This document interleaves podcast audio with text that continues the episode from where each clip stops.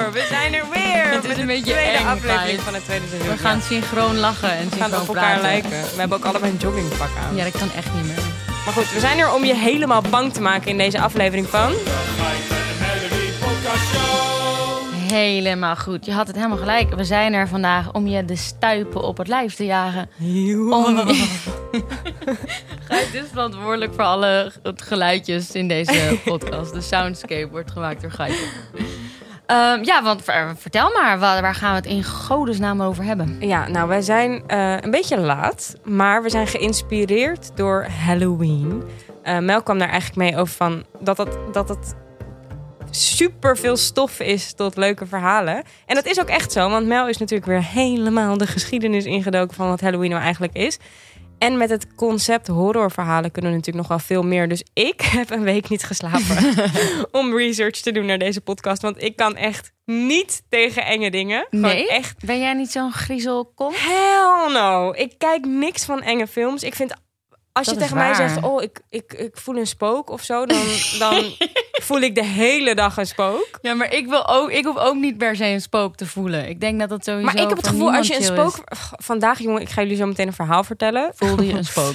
Nou, ik was alleen thuis en er was net een elektricien geweest en die liep de deur uit. En omdat ik helemaal in dit verhaal nog zat om het na te lezen, om het vandaag nog een keer te vertellen, voelde ik gewoon, had ik echt heel sterk het gevoel alsof iemand naar binnen was gelopen, omdat ik de deur niet. Nou, anyway, ik word helemaal Oh, para van dit soort verhalen. Ik kan er echt niet tegen. Maar dat ik is weet. waar. Jij kijkt geen enge films. Nee, niks wat eng is, niks wat te veel spanning heeft. Nergens aan. Ja, I love it. Ik ben echt... Ik ben, ik ben echt een, een, een griezelbips. Ja, Ik jij bent echt een griezelbib. En volgens mij een griezelbib. Wauw, hoe seksloos kunnen we dat concept maken? griezelbibs. Maar jij bent niet de enige. Hallo, ik, heb, 15 jaar. ik heb het gevoel dat... Nou, niet alleen het gevoel. Het is toch gewoon zo dat mensen...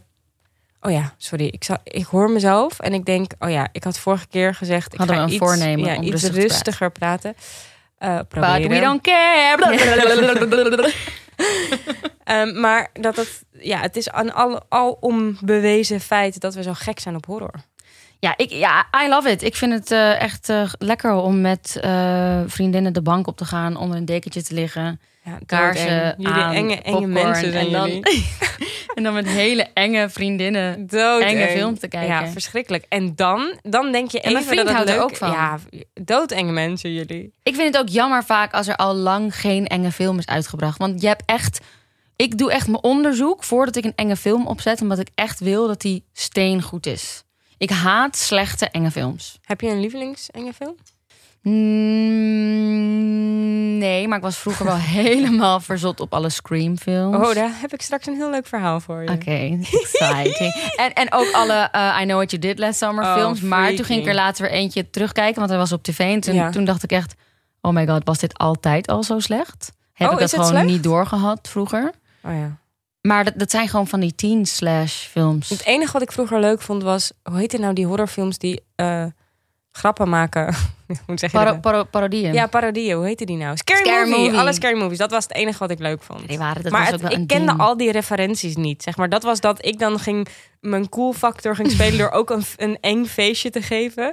Dat we dan de scary movies gingen kijken en ik helemaal haha, maar eigenlijk alsnog in mijn broek schijten van de parodieën. Niet wetende ook wat ze allemaal Nee. uit wilden. Nee, ja, ja, heerlijk. Ook The Ring en, en The Grudge. Ja, ik vond het wel, wel, wel smullen altijd. Ik denk de laatste goede film die ik heb gezien is The Invisible Man. Met Dat Elizabeth klinkt wel echt niet goed. Moss. Ja, en een invisible Kijktip. man. Hou op. En een invisible, een invisible man. Ah. Oké, nou, dit wordt eh, helemaal jullie aflevering. En ik, Ja. het erge is dat, jullie, dat het waarschijnlijk alles wat ik zo meteen ga vertellen... waarschijnlijk niet eens zo heel eng is. Maar dat ik echt... Jawel. hier Maar ging je nooit vroeger met, met vriendinnetjes dan... Of, of, of, of, of vriendjes of wat dan ook. of vriendjes. Ehm, in het donker dan zo enge verhalen aan elkaar vertellen. Dat je dan ja, zo'n dat heel vond ik verschrikkelijk. Ik snapte niet waarom mensen dat deden. Ook niet die verhalen met, die Barbie die steeds een ja, trap hoger kwam. Lucy, kom je halen. Oh, zo eng. Zo eng. Ik heb echt een Lucy heb ik jaren van gedroomd. Geinig. Sta bovenaan de trap. Oh, zo eng. Maar ja, ik ben weer het ander uiterste. Want wat ik Ja, jij vertelde deed- die verhalen. Ik vertelde die verhalen sowieso. maar ik had dan een vriendinnetje uit de buurt. Met, met wie we op een gegeven moment een heel luguber spelletje speelden. Wat we zelf hadden bedacht. Het heette namelijk Moordenaartje. En het kwam erop neer dat ze eigenlijk verstoppertje speelden. Maar, of uh, verstoptikkertje. En de verstoptikker was de moordenaar. En als ze jou dan aantikte, wat met een tak moest, want dat, dat stond als symbool voor het mes, dan was je dood. Oh maar dan moet je er vervolgens ook heel eng dood bij gaan oh liggen. My God. In zeg maar een boom. Of je moest gewoon er heel shocking bij liggen, omdat Oh. de rest gewoon nog rondremde en paradeerde. En die moesten dan ook schrikken van al die losliggende lijken. en we waren twaalf. Ja, Oh my god. het was wel heel spannend. Alrighty, people.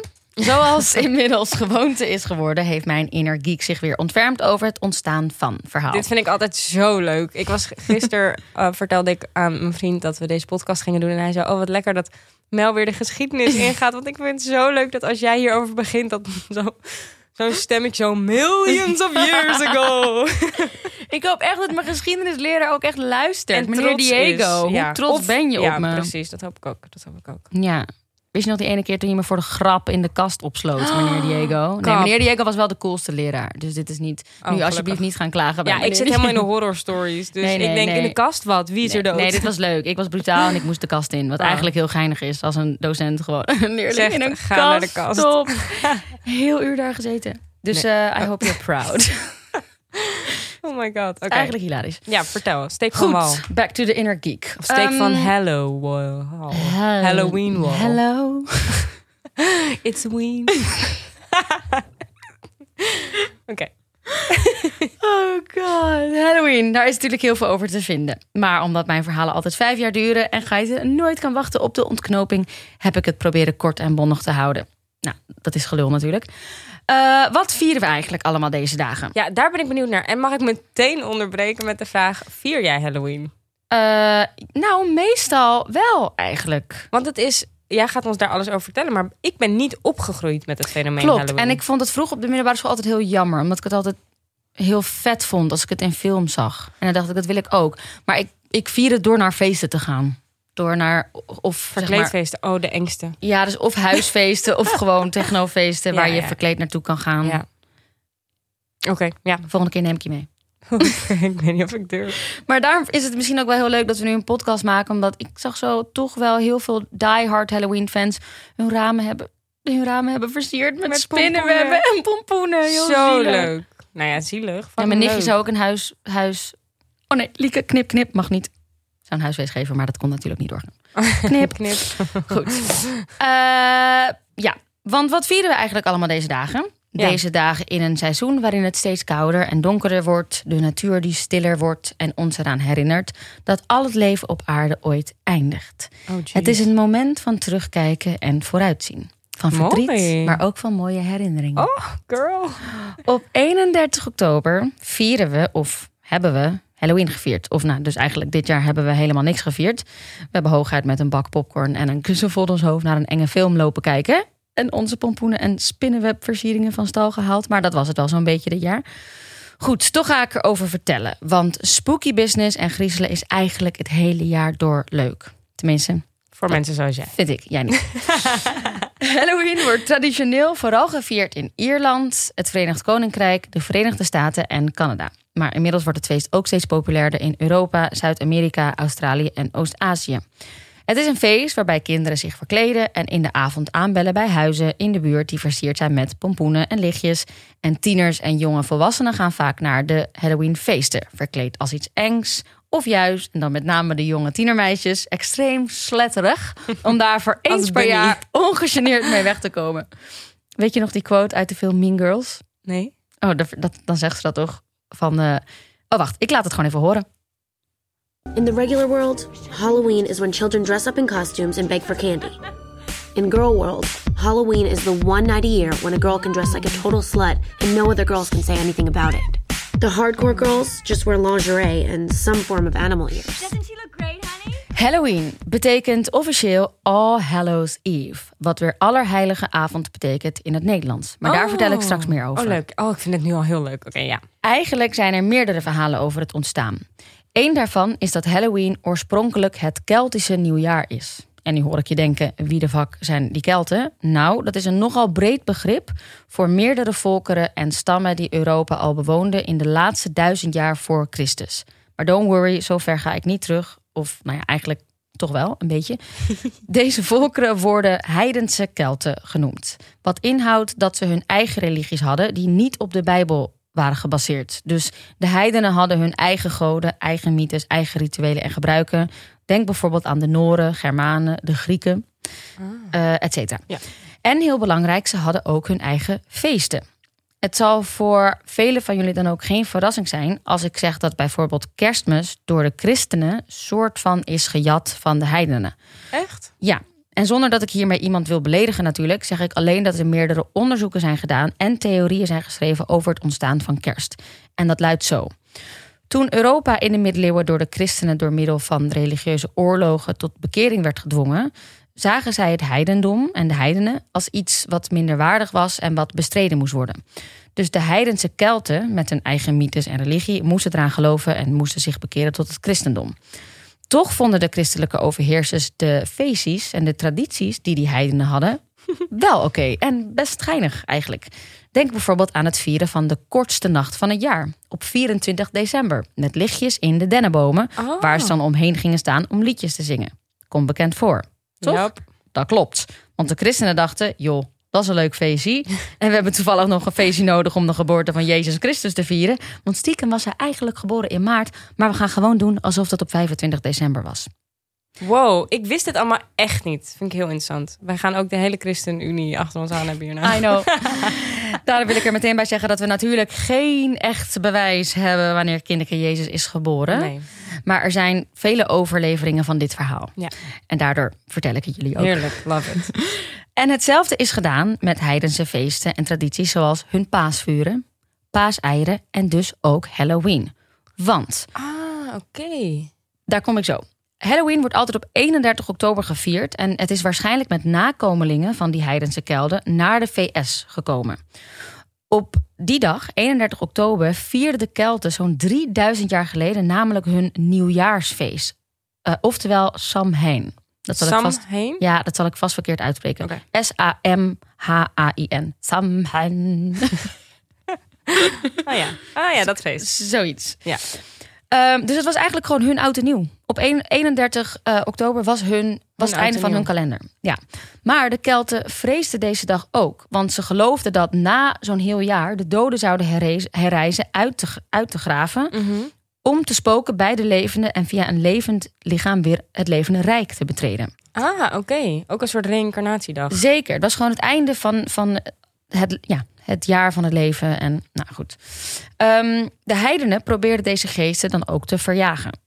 Uh, S'avonds verkleden ze zich om de spoken voor de gek te houden met maskers die ervoor moesten zorgen dat de geesten zouden denken dat de Kelten net als hen waren opgestaan uit de dood en dat ze hen daarom met rust zouden laten. Oh, dus gewoon eigenlijk, hey, jij bent ook eng. Ja. Je zal vast. Never mind, ik ga naar de buurman. Precies. We're the same, you and me. Both scary. Dus. Um, die Kelten die staken bieten in brand om de geesten op afstand te houden. En ze zetten voedsel bij de graven neer om de doden op het kerkhof te houden. Om ze daar zoet te houden. Al waren de Kelten op oudejaarsavond doodsbang. Het was ook een feestelijke dag waarop ze afscheid namen van het afgelopen jaar en het nieuwe jaar en het nieuwe leven welkom heten. De oogst was binnen, het zaaigoed voor het volgende jaar lag klaar en dus was er even tijd voor een vrije dag. Daarom vierden ze feest met een groot vuur dat het nieuwe jaar moest inluiden en tegelijkertijd de geesten op afstand hield. Een beetje zoals het vuurwerk op oud en nieuw van nu dus. Wat ik echt bizar vind, hè? want dit zijn, dus, dit zijn dus allemaal feesten en tradities uh, wat dus 3000 jaar geleden door dus die mensen is bedacht. En wat wij dus nu soort van een aangepaste vorm allemaal nog steeds doen. Ja, dat is totaal sick. Heel vet. De Ierse immigranten, de nakomelingen van de oude Kelten, namen deze tradities in de 19e eeuw dus mee naar de Verenigde Staten. Maar ze moesten roeien met de riemen die ze hadden, want bieten, die ze voorheen in brand staken, mhm. die waren er niet in Amerika. Maar pompoenen waren er in overvloed. En zo oh. ontstond de traditie om pompoenen uit te snijden en er lichtjes in te plaatsen. Deze so-called Jack-o'-lantern lantern, uh, is inmiddels het meest populaire Halloween-symbool. Ja, dat totaal. Halloween is een uitgeholde pompoen. Ja, exact. Volgens de overlevering heeft de pompoen bovendien een bijzondere betekenis. De Ieren geloofden dat een man zonder hoofd uit zijn graf zou opstaan en de hoofden van de levenden voor eigen gebruik zou afhakken. Dus de pompoenen moesten de man zonder hoofd verjagen. Eigenlijk net als dat, waarom ze die maskers droegen. Een pompoen van- is een soort geestenverjager. Ja, ook al. Ja. Zeg maar, maar de pompoen moet echt de man zonder hoofd. Dus zeg maar één specifieke geest. Die de pompoen echt moet verdrijven. Ja, dat was de man zonder hoofdgeest. Oké. En daar, dat was, die was in, in battle met de pompoen. Eh, maar zoals ik al zei, zijn er meerdere associaties met Halloween. Eh, Halloween wordt namelijk ook vaak geassocieerd met Allerheiligen. Wat ik net al zei. Ehm, en dat is niet zonder reden. Het woord Halloween komt namelijk van het Engelse All Hallows Eve. Oftewel Allerheilige Avond. Oftewel de avond voor Allerheiligen op 1 november.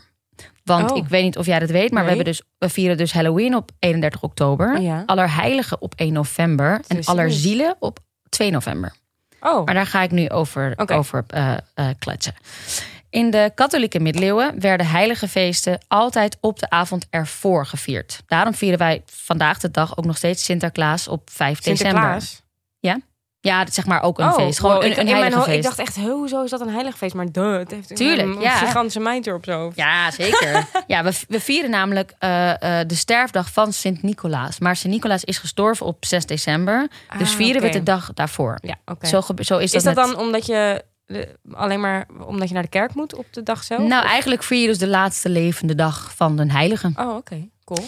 Yes. Eh, en zo kwamen eigenlijk Allerheilige Avond en Halloween op dezelfde dag te vallen.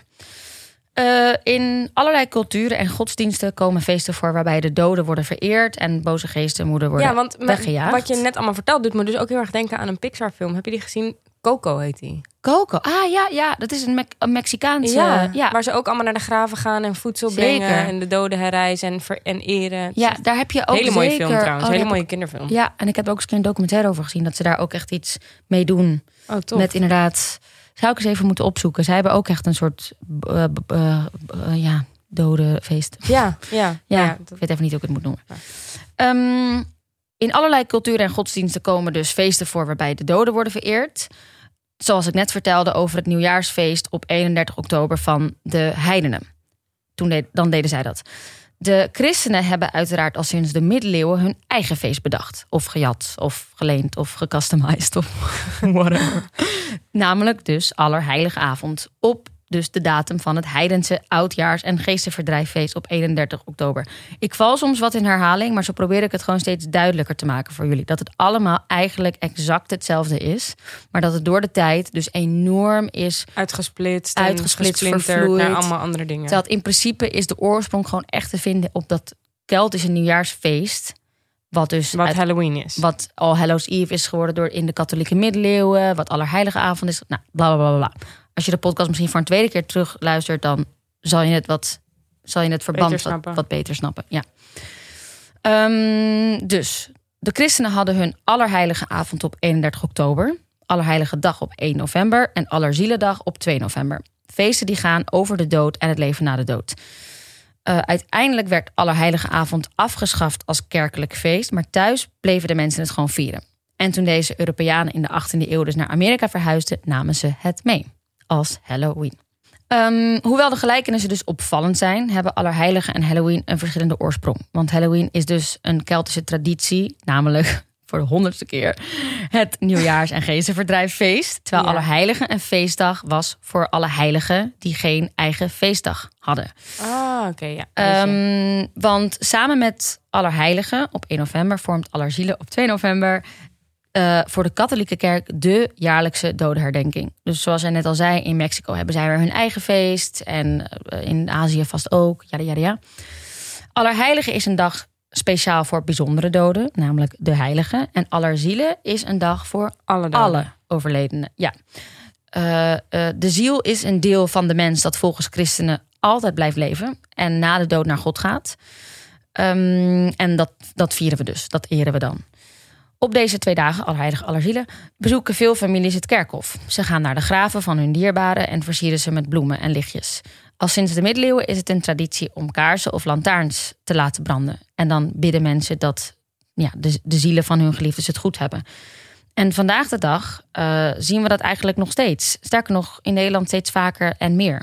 Hele parades worden gehouden in het donker op de begraafplaatsen. En dat ziet er echt prachtig uit. Zo mooi, ja. Toevallig, ik wist ook niet echt van het bestaan. Toevallig weet ik ervan sinds vorig jaar dat mijn, mijn oma is daar geweest. Die, die, Oh, die ja? heeft, eh, ja, want die is haar broer eh, ja, jaren geleden, toen ze zelf 27 was, kwijtgeraakt. Dus die is toen naar zo'n allerzielenavond geweest. Ja. En dat is, dat is prachtig. Dat is de, de hele. Klinkt ook heel mooi. Ja. Allemaal kleine lichtjes in het donker. Ja, Klinkt en prachtig. het, het hele, hele begraafplaats staat vol. natuurlijk. allemaal lantaarns branden. Ja. En ze doen ook ja, die zweeflantaarn, die zweefdingetjes in de lucht. Hoe heet die dingen? Die zweef, eh, Zweef, eh, ballonnen? hoe heet het nee, nou? ja. ik weet. Die kaarsen die, opstijgen. ja. Wensballon. Wensballon. Ja, als je plaatjes opzoekt, ziet het er echt ja, bijna romantisch Mooi. uit. Weet je, doe me ook weer denken aan Sint Maarten. Maar ik zal Ja. nu nog een ander feest erbij halen. Ja, precies. Dus ja, ik zat eraan te denken. Nou ja, het is, het is nu, nu we deze podcast opnemen, de dag voor Halloween. Dus misschien, Als deze Denk- podcast uitkomt, is het twee weken daarna. ja, dat, nee, een week daarna. Oké. week. Dus ik, ik weet niet hoe het in deze coronatijden eraan toe gaat. Of het wordt georganiseerd. Misschien maar stiekem in je tuin. Als je een tuin stiekem in je tuin. of Maar het lijkt mij heel mooi om er eens een keer bij te wonen. Ja, lijkt me ook super mooi. Misschien is inderdaad dit niet het jaar, maar het klinkt Nee. prachtig. Maar het wordt dus eigenlijk veelal al gedaan in Nederland. Eh, kleine side note. Protestanten vieren geen Allerheiligen en ook geen Alle Zielen. Eh, want die geloven er gewoon niet in. Ehm, of tenminste, ja, nou, dat is een hele andere zijtak als ik moet uit, uitleggen. Dus dat verschil moet gaan Ja, nee, Andere podcast. Ja, Eh, Joden en moslims geloven net als christenen wel dat er na de dood een eeuwig leven is bij God. Maar ook zij vieren deze feesten niet. Oké. Eh Hindoes en boeddhisten geloven dat onze ziel sorry, telkens opnieuw geboren wordt. Ja, in een ene mens of dier. Dat noemen we reïncarnatie. Hindoes hebben wel een feest dat op allerzielen lijkt. Pidri Puja. Ze offeren dan voedsel en bloemen aan hun voorouders met speciale gebeden.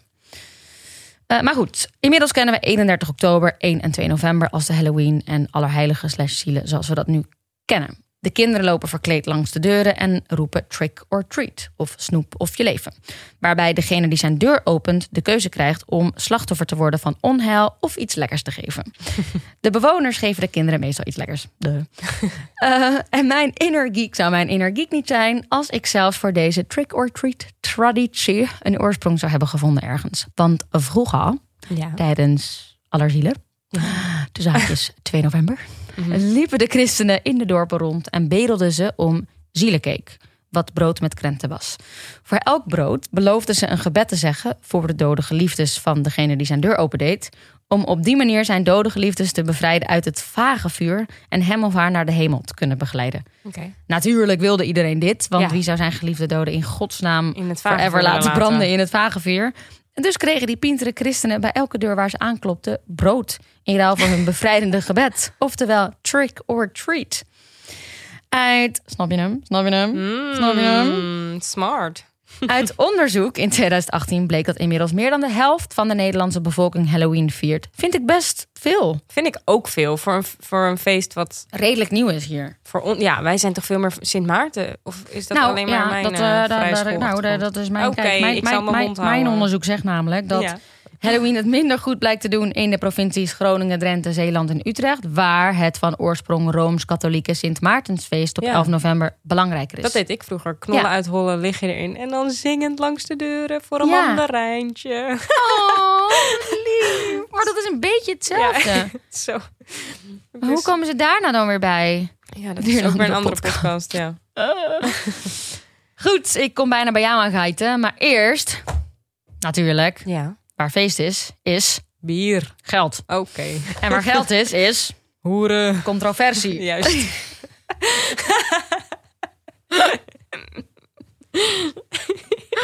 Waar zijn de strippers? nee, controversie. Dus net als bij kerst en Valentijnsdag is er ook op Halloween veel kritiek. Omdat het de ideale manier zou zijn voor de commercie om de consument flink in de bijdel te laten tasten. Ook hebben verschillende kerkgenootschappen kritiek op Halloween vanwege het, en dit vind ik wel geinig, vanwege het heidense karakter dat de twee zou hebben. De, het is ook een heidens feest. Maar goed, daar hebben we het niet. Dat mag natuurlijk niet meer. Maar wat is die uitspraak dan? Oh ja, de christenen willen, de heidenen Nee, hebben ja, meerdere de- goden. Dus dat, is- dat is Tuurlijk, nou de, cool. de, de, de, de, de, christ, de christelijke zeggen... voor hun bestaat Halloween niet. Zij hebben alleen Nee, allerheiligen snap ik, en ja. allerzielen. Begrijp ik. En het is natuurlijk wel zo, los van heidens of niet, want whatever. Maar het is zo commercieel, net als kerst en nou, inmiddels Sinterklaas ook wel. Ja, Maar om het even bij kerst en... eh, klopt. Maar het is ook een extra reden voor een feestje. Hey. Ja, tussen die slaperige maanden van de En zomer. waar het feest eh, is, is... Zijn? Wij. Dat sowieso. En waar geld is, is... Controversie. Oké. Ik weet het niet meer. We zitten meestal op één lijn, maar nu ben ik je helemaal kwijt. Oh ja, en wat ze ook niet helemaal chill vinden, de, de kerkgenootschappen, is het spiritus, spiritus, spiri- spiritus, Spirituele? Spiri- spiritus, Spiritus spiritisme, spiritisme dat erdoor aangemoedigd zou worden. Oké. Het spiritualisme is, nee, nee, want het, spiritisme is weer wat anders. dat is het namelijk het geloof in, Spiritualiteit. nee, het spiritisme is echt het geloof in gewoon bovennatuurlijke, Spiritus. in spiritus. Ja. Oh, ufo's en shit. Ja, gewoon in, in spirit, in bovennatuurlijke dingen. Oké. En ja. Ehm, het oproepen van geesten is namelijk niet toegestaan in de Bijbel. Punt. De horror outfits en duivelse versieringen vallen natuurlijk ook niet in de smaak. Dus Die doodenge stiltes af en toe. niet meer weten waar ik ook weer met mijn verhaal heen ging. Ik zit ook echt naar een einde te zoeken van... hè, kut, ik had in mijn hoofd had ik een passend einde. Oké, dit knippen we wel even eruit. Nee joh, dit kan je lekker laten staan, Lieke. Dit is helemaal goed. Want wij trekken ons helemaal niks van iets aan... cause we love to griezel. En hoe kunnen we het beste een eerbetoon opdragen aan deze feesten? Nou, door jullie de stuipen op het lijf te jagen. Maar als je een beetje bang bent aangelegd... Zo zo. kan je ons nu maar beter wegdrukken. Oh, Maar voel jij je dapper genoeg? nee. Ga dan vooral lekker zitten. op je bank. Met een dekentje. Over je heen. De lichten uit. En laat Gaite je dan meenemen. Met een verhaal. Oh my god, ja. Nee, het is me inderdaad wel helemaal opgevallen dat jij, Schmelody Clavera en de rest van de wereld houdt van griezelen. Yes, Jai Gyps, hè? Maar ik, nou ja, niet, dat heb ik net al duidelijk gemaakt, omdat ik gewoon, Zou je ook niet in een film spelen, in een enge film? jawel, dat lijkt me wel meta. Ja. Maar Dat lijkt me wel meta. ik heb nooit echt begrepen wat meta betekent. Iedereen, het is een soort het woord van 2020. Iedereen zegt het meta.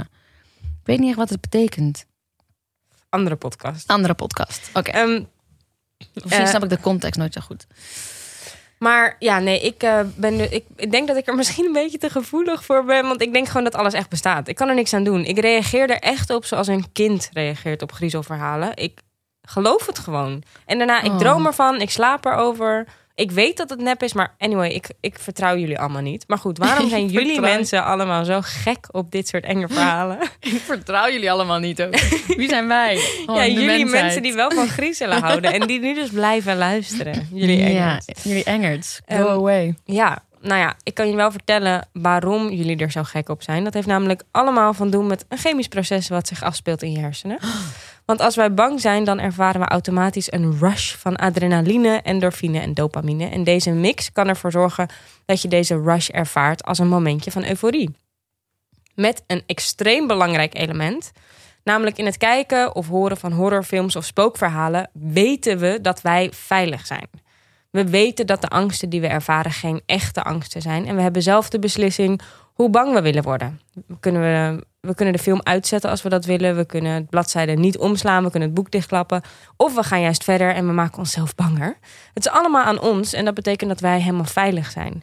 Wij hebben de controle over deze angsten. En dat zorgt er ook voor dat we een opluchting ervaren na het zien van een horrorfilm of het lezen van een eng boek. Omdat we dan om ons heen kijken en denken... Oh, heerlijk. Ik ben gewoon thuis in mijn eigen huis en er is niks aan het handje. Ik ben veilig. Dus juist om jullie engerts te pakken. jullie engerts die denken dat je veilig bent. En het wel aandurft, maar dan denkt... Oh, er is niks aan, mijn hand, aan de hand. Ik ben gewoon thuis. Het was maar een film. Het is allemaal verzonnen, dacht ik. Ik ga even een paar films voor jullie op een rijtje zetten... waarbij ze doen alsof het fictie is. Dus er staat niet based on a true story... Maar de gebeurtenissen in de film of serie lijken zo erg op een waar gebeurd verhaal. That we all know that it's actually Oké, dus wacht. insert eng muziekje. Insert enge muziekje. Hier een soort van. Ghosts. Dus zij zeggen dat het based on a true story is? Nee, ze, niet alle films zeggen er iets over. Maar als je de eh, evenementen naast elkaar legt, denk je: eh, This is based on a true story. Oh. En waarom zullen, zeggen ze dat dan niet? Omdat het dan te heftig eigenlijk is. Ja, ik denk dat het dat en eh, dat het ook dat de lol er een beetje uithaalt. Als je denkt van, oh, ik heb net echt een superleuk film gezien. Scream zal wel nep zijn. En je hoort vervolgens het verhaal erachter dat je denkt, oh, but this is really fucking dark. Ah, ja, ja, precies. dit, is niet meer, dit is niet meer zo leuk. Dus ik heb er een paar op een rij gezet. Dat je dus niet zoals Gaite Jans tegen zichzelf vroeger kan zeggen... Oh, it was just a movie. Ja. Mm, No, it wasn't. No, it wasn't. Ik heb er een paar op een rijtje gezet. Ik zal proberen de films of de series niet te spoilen. In de zin van ik leg uit waar het over gaat, maar ik zal de clue proberen niet te verklappen. Zodat je ze allemaal kan blijven zien als je ze nog niet hebt gezien. En het verhaal erbij vertellen. Om te beginnen bij Nightmare on Elm Street. Heb je die gezien? Yes. Nou, een horror klassieker. Deze film Oh, we kunnen wel een stukje laten horen. Oeh, oké. Want het klonk namelijk Why, zo. God, why? The kids of Elm Street don't know it yet. But something is coming to get them. There's something out there, isn't there?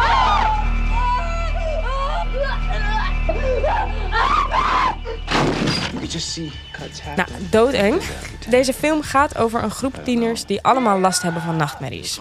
Dit is op zich niet zo heel vreemd, maar ze dromen allemaal over hetzelfde. Een enge man met een verbrand gezicht en haken als handen die Freddy Krueger heet. Ja. Uiteindelijk blijkt dat deze nachtmerrie geen nachtmerrie is, maar dat het ook allemaal echt ontzettend uit de hand loopt. En nou, uh, verschrikkelijke enge horrorfilm. Good luck watching it. Ehm, There will be blood. There will be blood, andere film. Maar deze film is dus gebaseerd op een waar gebeurd verhaal. Dat heeft de regisseur Wes Craven eh 100% toegegeven. Hij las namelijk een krantenartikel in de LA Times. Times, sorry. That was your LA. That was my. LA accent. Ehm, en dit krantenartikel ging over een familie die gevlucht was uit Cambodja. En nu veilig waren aangekomen in de United States. Maar een jong jongetje uit zijn familie had nog altijd verschrikkelijke nachtmerries. Zijn nachtmerries waren zo erg dat het jongetje tegen zijn ouders zei dat hij niet meer durfde te gaan slapen. Omdat hij bang was dat het ding dat in zijn nachtmerries achter hem aanzat, hem zou vermoorden in zijn slaap. Zijn ouders stelden het jongetje helemaal gerust. En na dagen van niet slapen lukte het jongetje eindelijk om in slaap te vallen. Maar toen hoorde zijn familie een verschrikkelijk geschreeuw midden in de nacht. Ze snelden naar het kamer van het jongetje, maar toen ze in de kamer aankwamen, was hij al gestorven. Hij stierf tijdens het hebben van een nachtmerrie. Oh my god. Kan dat? Hij is dus vermoord in zijn... Net, net als in de film, hij is vermoord Hij is in zijn gestorven nachtmerrie. tijdens een nachtmerrie. Hij is gestorven tijdens het hebben van een nachtmerrie. Maar, en wat is dan de doodoorzaak? Hartstilstand. ja, I guess. I don't know. Je bent... Je bent Maar hij is niet vermoord. You're nowhere safe. Not even in your dreams. You're nowhere safe, not even- Maar het is dus een fenomeen. Het kan, het, kan, het kan verkeren. Net als dat je bijvoorbeeld als je heel opgewonden raakt tijdens de, tijdens de seks. en je hebt een zwak hart. Kan je mm, tijdens je orgasme... Het ge- komt zelden voor. Ik weet ook echt niet waarom ik dit er nou weer bij Nee, moet jawel, halen. dat komt volgens mij best vaak voor. Wat echt verschrikkelijk is. Het is Ja, niet op zich. horror. Fucking chill. Nee, wat een horror Wat een geinige die- dood wel. Die, Ja, met je, oh ja, die, als die het met je doet. Ja, dat is wel echt zo. Het is wel Echt niet leuk als het op je gebeurt. Oh my god. Of onder je, of, naast je of of- naast je. Oh my god, nee. Ehm, maar net als je kan, zo kan je ook eh, eh, ja, van schrik, weet je, dit, dit had, deze familie was mega getraumatiseerd. Dat jochje had veel te veel meegemaakt al. Oh. Het, het kan verkeren. Nou ja, dat was dus ehm Nightmare on Elm Street. Ja. Nu, ben je klaar voor het volgende mail? Nee. Oké, ik ga het toch vertellen. je noemde net al even Scream. Dus daar gaat dit over. Dit is, de Scream is een film. En er zijn er heel veel van. Want het is echt ook een horror klassieker. Echt een Halloween film als je ervan houdt. Have fun. Het gaat over het slaperige stadje Woodsboro. Dat wordt bestookt door een stalker moordenaar. ehm, en Sidney Prescott wordt het slachtoffer van deze brute, mysterieuze moordenaar. Met een doodeng masker. Je weet wel, dat witte spookachtige masker. Die verscheidene van haar klasgenoten heeft vermoord. En dan heb ik hier ook nog actienieuwsverslaggever Gil Weathers. Moet en zal de moordenaar ontmaskeren en gaat daarbij tot het uiterste. Nou, dat is een beetje in het kort de film. Ja. Eh, maar ook dit is gebaseerd op een waar gebeurd verhaal. Gadver. En dit is ook echt gruwelijk. Ik heb geprobeerd de meest brute feiten voor jullie een beetje in te korten, zodat het luisterbaar blijft. Want ja, ja, ondanks dat de horrorfilm ook enigszins wat humor bevat, is het verhaal wat gebaseerd is op een reeks moorden uit 1990 in Gainesville, Florida. Oh nee hoor, gooi het maar op me. Hartstikke Ik ben niet bang. Gooi maar gewoon de... de, de, de You ready for it? Yes, de brute feiten. Oké, komt-ie. Het echte verhaal speelde zich af over slechts een paar avonden. Eerst op vrijdag 25 augustus. Toen Sonja Larsen en Christine Powell, huisgenootjes van allebei 17 jaar oud, werden vermoord, verkracht en verminkt. Uh. Ja. In die volgorde? Eh, nee, als je het echt wil weten. Hij is, hij- de moordenaar kwam eerst binnen. Toen zag hij de ene zitten op de bank, maar die sliep. Toen is hij naar het andere meisje gegaan. Toen heeft hij haar vastgetaped en vastgebonden. eh, en met meerdere messteken doodgemaakt. Toen is hij naar beneden gegaan. Heeft hij het andere meisje gru- op gruwelijke wijze vermoord. Eh, eh, later heeft hij dus bekend dat hij ze ook allebei verkracht heeft. En daarna heeft hij een douche genomen en is hij weggegaan. Jezus. Yes. Maar dat was niet alles. Want eh, dit gebeurde dus op vrijdag. Maar op zaterdag was Krista Hoyt slechts 18 jaar aan de beurt. Nadat ook haar lichaam was gevonden, ook weer op dezelfde gruwelijke wijze aangetast, werd met man en macht met groot nieuws een moordenaar gezocht. Studenten in Gainesville waren mega bang, want binnen twee avonden waren er dus allemaal op echt op kleine afstand van elkaar allerlei studenten vermoord. Dus heel veel studenten gingen bij hun ouders slapen eh, of sliepen bij elkaar en iedereen zocht elkaar op. Maar helaas, op maandag de 27e klom de moordenaar naar binnen bij huisgenootjes Tracy Paulus en Manny. Taboada, ik weet niet precies hoe je het uitspreekt. Allemaal gedood in hun appartement. Hun lichamen volledig verminkt. Denk aan afgesneden tepels en Jezus. andere onsmakelijkheden. Wanneer was dit? 1990. Oh, mijn geboorte daar. Oh, lekker pik. Het moordwapen was altijd een mes. Vier van de slachtoffers zaten op dezelfde universiteit. Namelijk de University of Florida. Dus moet je nagaan dat dit allemaal op je school gebeurt. Doodeng. Ja. Het duurde even voordat de politie de brute moordenaar vond. Maar op 7 september 1990 werd Daniel Harold Rowling, nu ook wel bekend als de Gainesville Ripper, opgepakt. Initieel werd hij opgepakt omdat hij een overval pleegde, een random andere overval. Maar omdat ze zijn gereedschap controleerden waarmee hij had ingebroken, ontdekten ze dat dat gereedschap matchte aan het gereedschap wat was gebruikt om in te breken om gruwelijke moorden te plegen. Toen ze verder onderzoek deden, bleek dat hij audio-opnames had gemaakt tijdens zijn misdaden. Oeh. En later gaf hij toe aan acht moorden in totaal. Jezus. Zijn motief? Hij wilde een superster worden, net als Ted Bundy. Je kent hem wel, die andere serial Gadver, maar killer. dat bizarre land met al die bizarre seriemoordenaars. En op 25 oktober 2006 werd Rowling geëxecuteerd.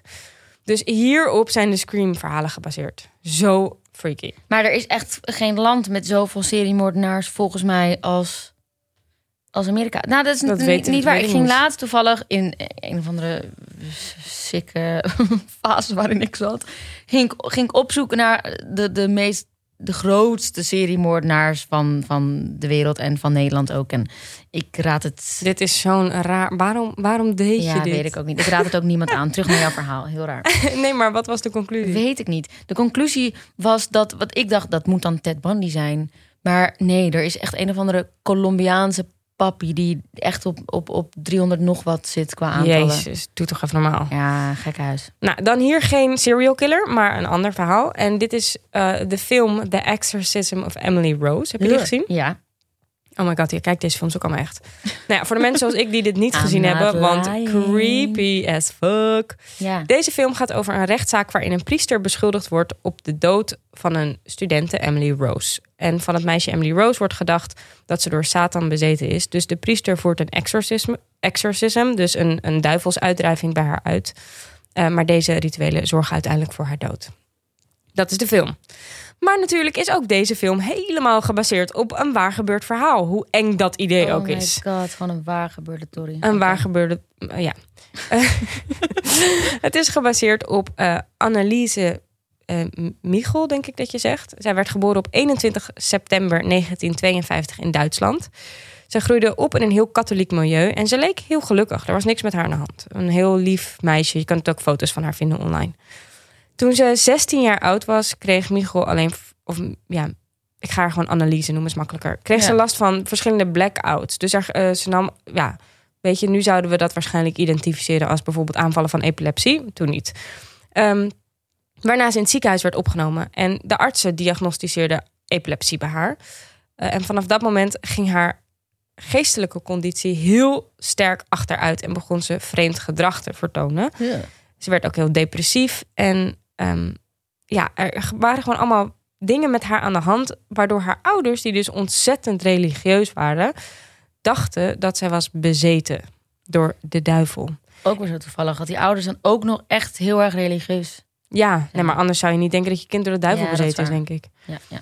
Dus haar ouders besloten in 1973 een, een exorcism, dus een, een, een of exorcisme moet ik zeggen, een duivelsuitreiking aan te vragen bij de uitdrijving aan te vragen bij de katholieke kerk. Maar de kerk weigerde dit, want dit is wel een, een, een, dingetje. Je drijft niet zomaar een duivel uit. Maar goed, na verloop van tijd ging haar toestand heel erg achteruit. En ze vertelde aan artsen dat demonen haar bevelen gaven. Ook trok ze regelmatig haar kleren uit. Ze dronk haar urine. Ja. Eh, ze at ehm, spinnen, eh, vliegen of steenkool. Zeg maar, het ging echt niet goed met haar. Nee. Het was de medische De analyse ging niet lekker. Annelies ging niet lekker en geen enkele medische hulp hielp.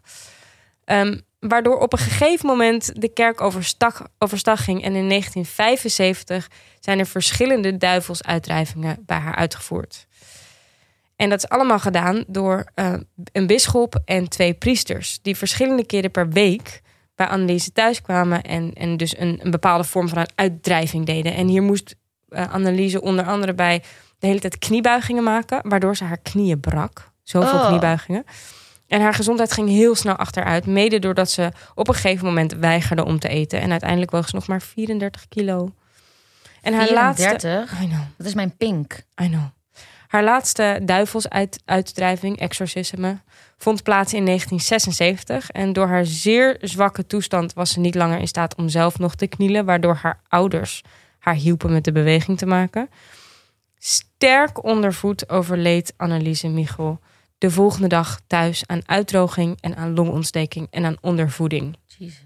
En haar Zielig. ouders en de priesters, eh, die haar dus herhaaldelijk duivels aan duivelsuitdrijvingen onderwierpen, werden veroordeeld tot zes maanden gevangenisstraf voor nalatigheid. Zielig, hè? Ja. Zo zielig. Dus, nou, volgende keer als je die film kijkt, kan je ook weer weten dat er dus echt een meisje is geweest die dacht dat er een duivel in haar woonde. Zo zielig. En die eigenlijk gewoon doodziek was. Ja, zielig, hè? Maar ja, er zullen nu alsnog mensen luisteren en denken... ja, maar misschien was het toch ook wel echt bezeten. Ja, nou ja. Ik denk het niet. Ik denk dat die arme meid gewoon een knuffel had gemoeten. Ja, arme meid heeft gewoon epilepsie. Ja, of iets. kind. In elk geval is, lijkt het me een- ja, zielig. Ja. Je gaat toch niet knielen tot je knieën breken? Nee. Houd toch op. Nou, dan heb ik nog een laatste. Maar spinnen eten is wel een beetje weird. Maar misschien hoorden ze stemmen. En het is ook wel een hele rijke bron van proteïne. Zo is het ook weer. Misschien liep ze ver op de tijd vooruit. Ze dachten, geen verspilling, dat doen we niet aan. Nee. Nou, dan heb ik hier nog een laatste verhaal. Wat echt wel freaky is. I think you will like this. Every freaking day. Dit is een hele grote inspiratiebron geweest voor onder andere American Horror Stories. Oeh, vette serie. Kijk je dat ook niet? Nee, gek. Geite Gypsy. Oké. Dit is een beetje een spookverhaal. Ja. Ehm, dit heeft dus voor, als inspiratiebron gediend voor onder andere American Horror Stories. Het enge aan dit verhaal is dat er beeldmateriaal is. Dus, mocht jij nou zo'n engert zijn, zoals Melody, die het lekker vindt om enge dingen te googelen, zoals Melody, hier is je nieuwe obsessie en ze heet Elisa Lam. Of Eliza Lam, of zoiets. Elisa Lam. Elisa Lam of Ela- Elisa Lam. Het verhaal speelt zich af in Hotel Cecile in Los Angeles. Een hotel dat in de jaren 50 en 60 een populaire plek was voor moordenaars om te verblijven. Onder andere seriemoordenaars Jack Unterweger en Richard Ramirez verbleven hier ook. Ook was het een populaire plek om zelfmoord te plegen. Zo sprong er een keer iemand van het dak die naast zichzelf ook een nietsvermoedende voorbijganger om het leven bracht omdat hij op hem viel. Ja, dit voelt goed, dat hè? is echt, echt een baaldag heb je dan. Nou, dan heb je een baaldag zacht uitgedrukt. Dus waarom de 21-jarige Canadese Chinese toerist Elisa Lam nou precies dit hotel koos om te verblijven, is mij niet helemaal helder. Vind je dat niet raar? Ja, dat is fucking raar. Maar goed, Heel heftig ook. Jawel, ik zat nog helemaal, ja. Ja. in februari 2013 werd er door gasten van het hotel geklaagd over een rare smaak in het water. Oh. Mhm. En ook klaagden de gasten over dat het water soms een gekke kleur had. oh nee, hou op hoor. Mhm. Dit leidde ertoe dat Nee. de watertank op het dak van het hotel werd nagekeken. En hierin werd het levenloze Nee. lichaam van Elisa Lam, of Eliza Lam, ontdekt. Elisa Lam was op dat moment al een paar weken vermist. En ze had zeker twee weken in de watertank gelegen. Dus iedereen heeft haar gedronken. En Ja. met haar gedoucht. Ja, Wat een ramp dit. wat een ramp, maar het wordt nog vreemder. Want er zijn videobeelden. Er zijn videobeelden die je gewoon kunt vinden op het internet. In deze video, en hier wordt het raar. Dit is, ik ben heel benieuwd naar jouw theorie hier zo meteen over, Yes. Mel. Wat jij gaat denken dat het, dat het is. Dit is namelijk een video de- van waarschijnlijk de laatste momenten van Elise's leven in een lift. In deze video loopt Elise de lift van het hotel in. Ook al eng, een lift. Een lift is, het zijn ook de camera, het zijn de bewakingsbeelden uit de lift. Dus ze loopt de lift van het hotel in. Ze drukt op het knopje dat de deur dicht moet, maar de lift gaat niet dicht. Ze blijft drukken op knopjes, maar die lift gaat maar niet dicht. En vervolgens stelt ze zich verborgen op in een hoekje van de lift alsof ze iets ziet. Maar wij zien alleen maar haar in die lift. Ze kijkt naar de uitgang van de lift. Dan loopt ze met haar armen vreemd zwaaiend de lift uit om iets later de lift weer in te gaan. Nog steeds is de lift nooit dicht geweest. Ze loopt vlak langs, langs de muren van de lift alsof ze bang is dat iets of iemand haar aanvalt. Maar nog steeds gaan die liftdeuren niet dicht. En uiteindelijk loopt ze gekke bewegingen makend de lift weer uit. En de liftdeuren gaan dan heel snel achter elkaar een aantal keren open en dicht. En weg is Elisa. Dit zijn de laatste momenten van haar leven waarschijnlijk Maar geweest. dit is toch te raar.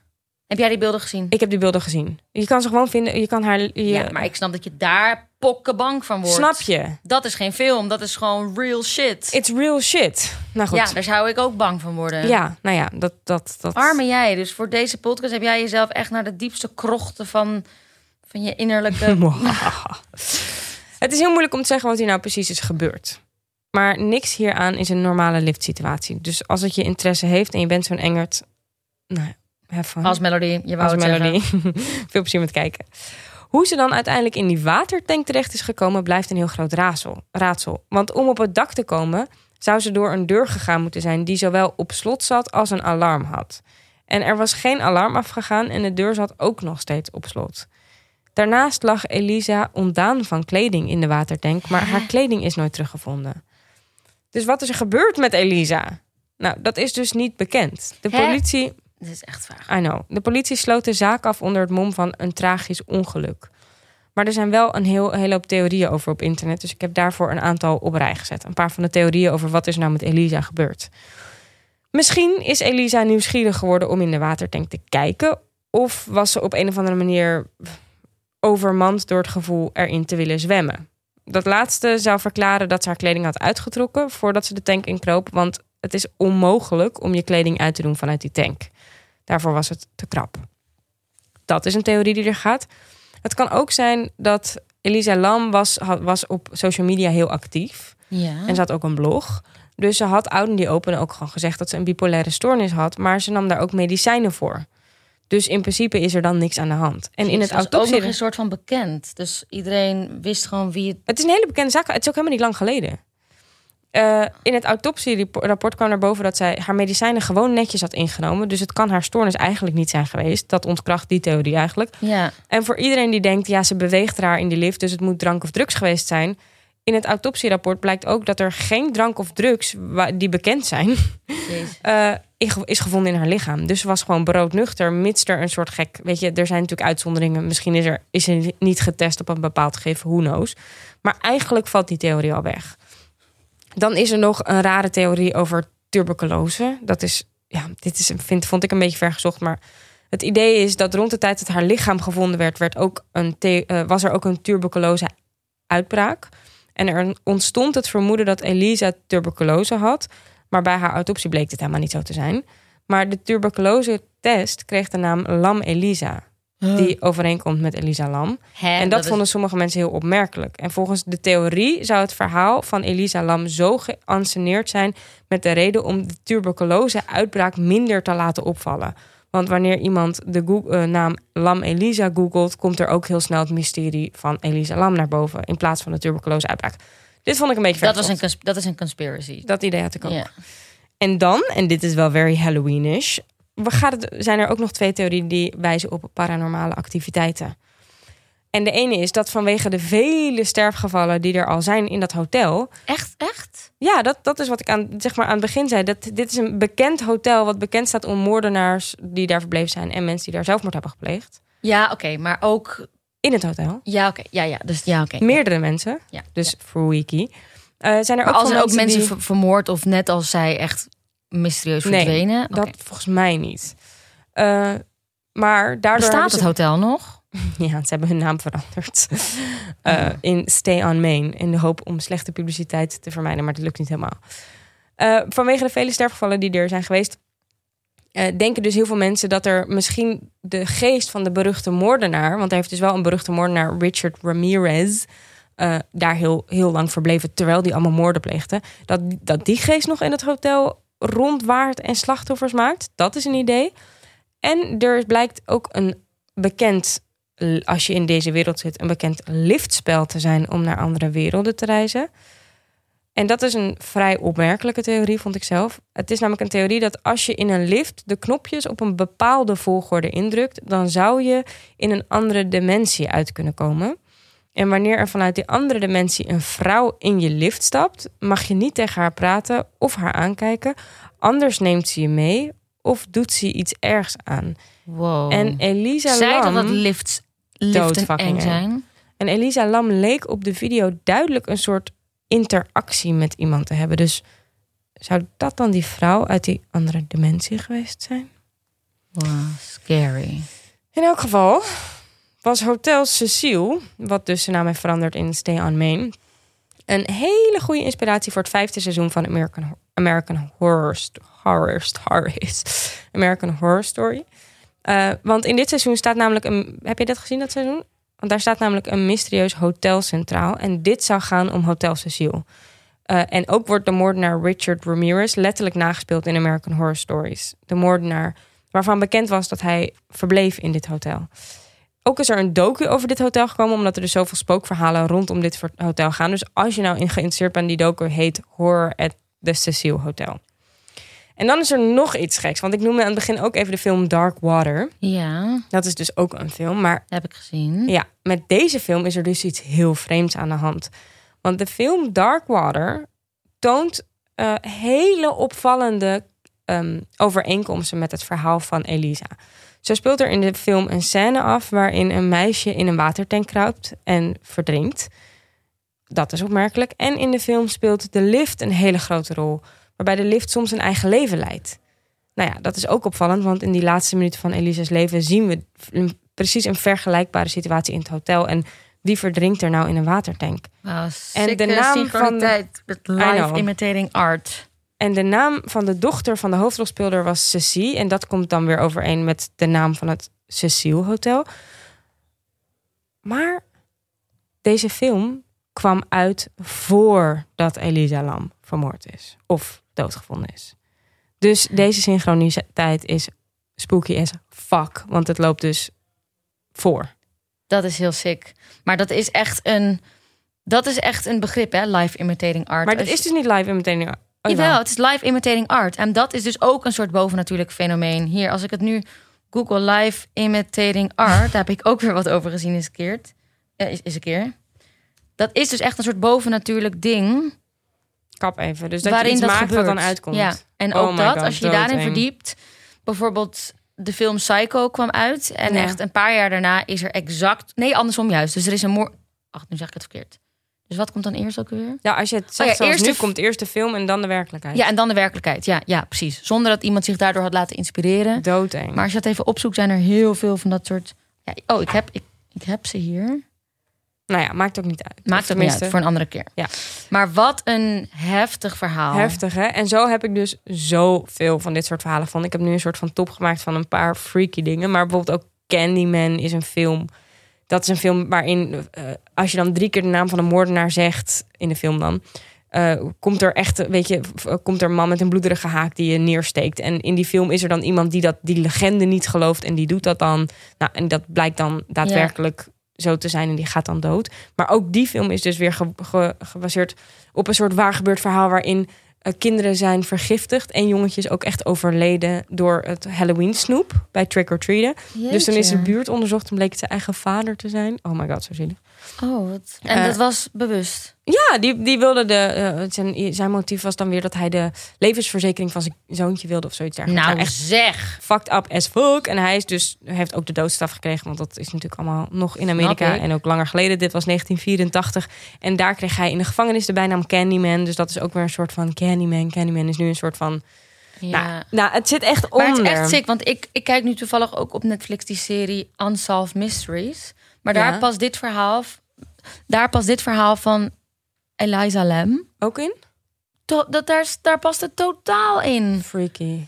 Omdat dat, Dat zijn alleen maar van dit soort onzin. dat zijn allemaal ja, korte documentaire films over onopgeloste en Dat je vet dit kijkt. lijp, Zo mysterieuze- eng. Ja, maar het is ook, het is niet per se eng, het is ook crime, het is ook misdaad. Ja. En ook eigenlijk heel erg goed dat ze dat doen. Het is een beetje een hele erge, eh, ehm, ja, soort opsporing verzocht met heel veel smeu. Want het is Netflix, maar wel steeds met het doel om aan het einde van de aflevering mensen op te roepen Oh ja. die informatie hebben. Ja, ja, ja. Maar ondertussen is het ook gewoon rete spannend om naar te kijken. Wat ook wel gek is, maar ik denk andermans leed is Ja, mijn is entertainment. Maar ja. het is wel echt heel erg spannend. Maar dit verhaal van die Eliza Lam ehm, zou daar echt ideaal voor zijn. Omdat het Maar zo creepy toch? Dus als je nu. Het is eigenlijk het wel een leuke. echt. Als je nu bij Halloween. Als je net Halloween hebt gevierd. of je bent nog een beetje in die horror vibes. Is het dus best wel interessant om te gaan kijken welke film je dan uitkiest. en of daar, of daar een waar gebeurd Ja. verhaal bij zit. Als dat zo is, laat het ons dan ook weten. Want dat vinden we wel heel leuk om ja, te dat vind ik wel een leuke. Dus als je inderdaad het weekend van Halloween, Allerheiligen, Of Allerzielen... daarna, of de week, whatever. Inderdaad. Als je enge films kijkt nu in de herfst. Als je nu een film hebt gekeken, doe dan even je research om Ja. te kijken of het Of als je andere gebaseerd. rare spooky ervaringen hebt gehad rondom Halloween. Ja. Word je bezocht door spoken of geesten of mannen met pompoenen als hoofd? We hope not. We hope not. Maar mail ons dan naar Ja. de grote podcastshow at dagenacht.nl. Ja, Of slide in onze DM's. ja vooral die van geiten. Dat vindt ze echt leuk. Mm. Al die enge verhalen. Van waar gebeurde dingen. Nee, alles wat echt eng is moet je naar Mel sturen. Zo eng. Maar vond je het een beetje spannend, Mel? Ja, ik vond het echt heel spannend. Ik ben helemaal in Heb de ik war dit goed gedaan voor iemand die dit dood Ik vind het ook een beetje zielig voor je. Ik, want zelfs ik vind echte beelden heftig. Maar Ik- dit ik- was die wel kijk leuk, ik toch? niet. Ja? Oké, want ik was nog aan het bedenken, want ik was ook spookverhalen aan het opzoeken. Maar dat Dit vond ik zo ingewikkeld, want dan is het zo, ja, ik heb meegemaakt dat op Halloween. Ja, maar dit is een er- spookverhaal. Oké. Het is gewoon heel erg kut voor de mensen die dit echt hebben meegemaakt. Dat het dus geen spookverhaal is. Maar het is Het zijn wel allemaal Halloween films. spooky as Spooky. fuck. Spooky. Spooky. Spooky dookie. Spook, spook, spook, spook, spooky. Spooky. Oké, Oké, nou, Dit is dat was dit is het einde. dit- Ja, we gaan het afsluiten. We gaan uh, rafsluiten. Ehm, we gaan het afsluiten. Ja, nee, ik, we hopen dat jullie een beetje eh, genoten hebben van dit Ja. gespook. Wij gaan langs de deuren nu. Wij gaan langs de deuren trick or treaten. Trick or treat. Oh ja, ook nog zo'n verhaal. Trick or treat. Dus er was eens een keer iemand. Ik heb te veel van dit Kijk, soort jou eens even helemaal ondergedompeld zijn in enge verhalen. I know, er was iemand die... een eh, wereld voor een je man. En, en een vrouw, een, een, een, een koppel lag in bed. En toen werd er s'nachts uh, best wel laat aangebeld met... Het was Halloween, dus ze dachten, nou, trick or treat. En toen deed die man open, omdat hij dacht... Nou, dan ga ik nog wel even wat snoep geven aan deze persoon die laat nog snoep wil. Misschien is hij stoned of zo. En hij doet de deur open en hij wordt helemaal kapot geschoten. Wat? Eh, want er stond iemand in een, verkleed, in een verkleed pak voor de deur en die schoot hem dood. Maar later bleek dit dus, dus onderzocht wie is dit, uiteraard. dit was dus de affaire van de vrouw. Dus het was een echtpaar, een man en een vrouw lagen in bed. De man heeft open Ja. gedaan en is doodgeschoten. En degene die hem heeft doodgeschoten is, was dus een vrouw eh, die eigenlijk een relatie had met de vrouw van die man. Interesting, hè? Ja, en je kan natuurlijk... Je komt overal mee weg, want je bent verkleed. Ja, precies. Dat is het eng aan Halloween. Ja, inderdaad. Je weet echt niet wie er voor je deur staat. Je weet het niet. Oeh, en wie er op je feestje komt. Inderdaad. I know. Nou, dit jaar helemaal niemand. Nee, dat scheelt dan weer. Dus je bent veilig. Dat scheelt weer wat, eh, wat moorden. Wat moorden. Oké, nou, we hopen Ja. dat jullie allemaal veilig zijn nog steeds. en kunnen slapen deze week. Dat En, hopen we eh, niet. En dat jullie de volgende keer weer luisteren naar een Ja. veel minder enge aflevering, als het goed is. Zeker. Alright, lieve mensen. Bedankt voor het luisteren. En Yes. tot de volgende keer. Doei doei! Joe.